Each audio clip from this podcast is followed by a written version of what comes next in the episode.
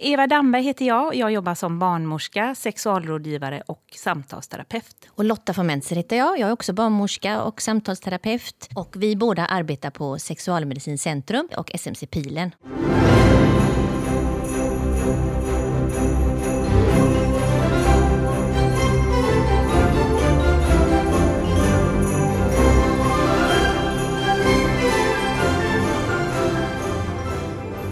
Sexualmedicinskt centrum, SMC, är en tvärprofessionell specialistenhet som arbetar med sexuella frågeställningar. Den som är över 23 år kan vända sig till SMC och få hjälp med sexualrådgivning, provtagning för könssjukdomar och samtal om könsidentitet och sexuell identitet. De erbjuder även behandling av sexuella dysfunktioner, självskada eller smärta kopplat till sexuell praktik. SMC erbjuder också stöd och rådgivning för vårdgrannar och kan hjälpa till så att patienter med sexualmedicinska problem kan komma till rätt vårdinstans. Vilka är de vanligaste anledningarna till att man kommer till er? Mm. Det kan vara olika smärttillstånd. Det kan vara till exempel att man har en sänkt sexuell lust. Men det kan också vara att man har tappat kontrollen över sin sexuella lust. Eh, sexuella funktionsnedsättningar, till exempel att man inte får den sexuella responsen man vill ha.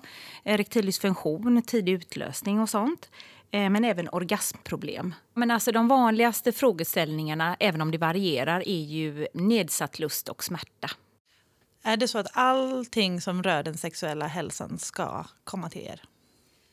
Nej, det tänker jag inte att allt som rör den sexuella hälsan måste komma till oss. För att eh, den sexuella hälsan är ju en del av den allmänna hälsan.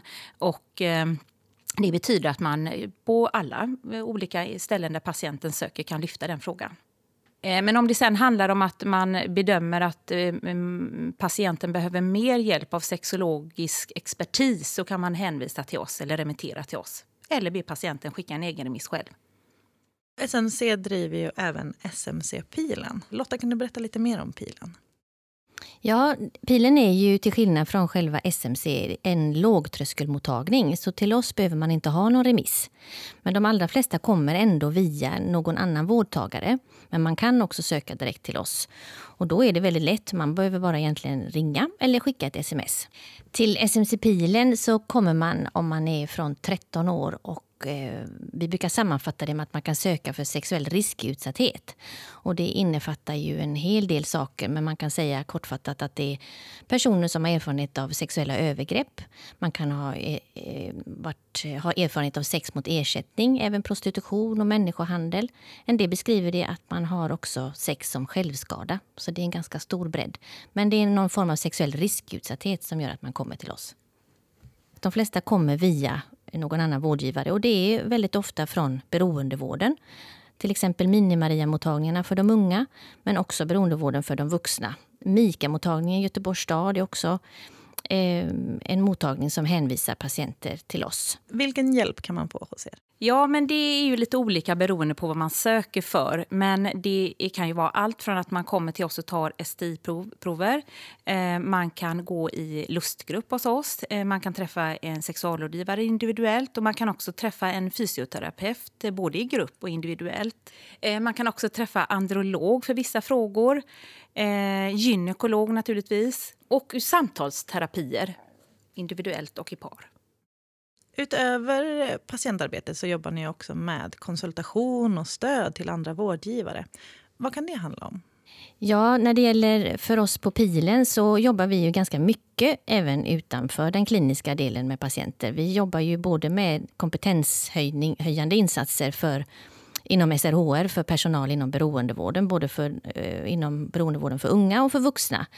Eh, vi är ute ganska mycket och föreläser och presenterar vår verksamhet och pratar om eh, målgruppen och ämnet som sådant, sexuell riskutsatthet. Vi samarbetar också en hel del med eh, polis. Och vi ingår ju både i regionalt och nationellt nätverk när det gäller frågor som rör prostitution och människohandel. Och där vi är då representanter för hälso och sjukvården i VGR. Så att det är ju någonting som är bra att veta för andra vårdgivare att när man konsulterar oss så har vi också möjlighet att eh, använda oss av vårt stora nätverk och våra samverkanspartners. Så även om vi är en liten enhet så har vi ett väldigt stort nätverk eh, så att allting som rör människohandel och sexuell riskutsatthet och så kan man konsultera oss när det gäller det.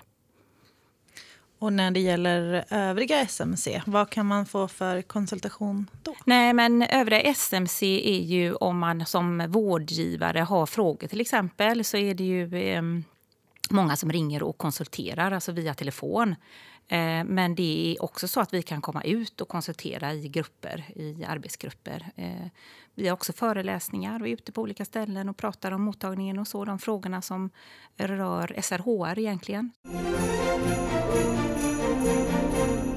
Har ni några tips till andra vårdgivare? Ett tips skulle kunna vara det att tänka när patienter söker på olika ställen att den sexuella hälsan är en del av den allmänna hälsan och allt behöver inte komma till SMC för att det är en sexuell frågeställning. Så att man kan alltid lyfta frågan att, eh, att många blir påverkade sexuellt sett och våga då prata och fråga om detta innan man remitterar till oss. Eh, när det gäller eh, pilen så skulle vi vilja lyfta detta att eh, de flesta människor lyfter inte själva frågor som rör sexuell riskutsatthet, till exempel att man har varit utsatt för övergrepp eller man har erfarenhet av sex mot ersättning till exempel. Utan där visar även forskning att man behöver ställa riktade frågor kring just eh, de här områdena och de här, eh, den här formen av utsatthet. Så att man behöver rutinmässigt fråga och framförallt behöver man också vara medveten om när det gäller personer som där man kanske har fått uppgifter om att man har en utsatthet för våld generellt eller man har erfarenhet av droger och missbruk. Att droger och våld och sexuell riskutsatthet sitter nästan alltid ihop. Att det är områden som ligger väldigt nära. Så att man behöver liksom se en helhetsbild. Och att tidig identifiering spelar enormt stor roll.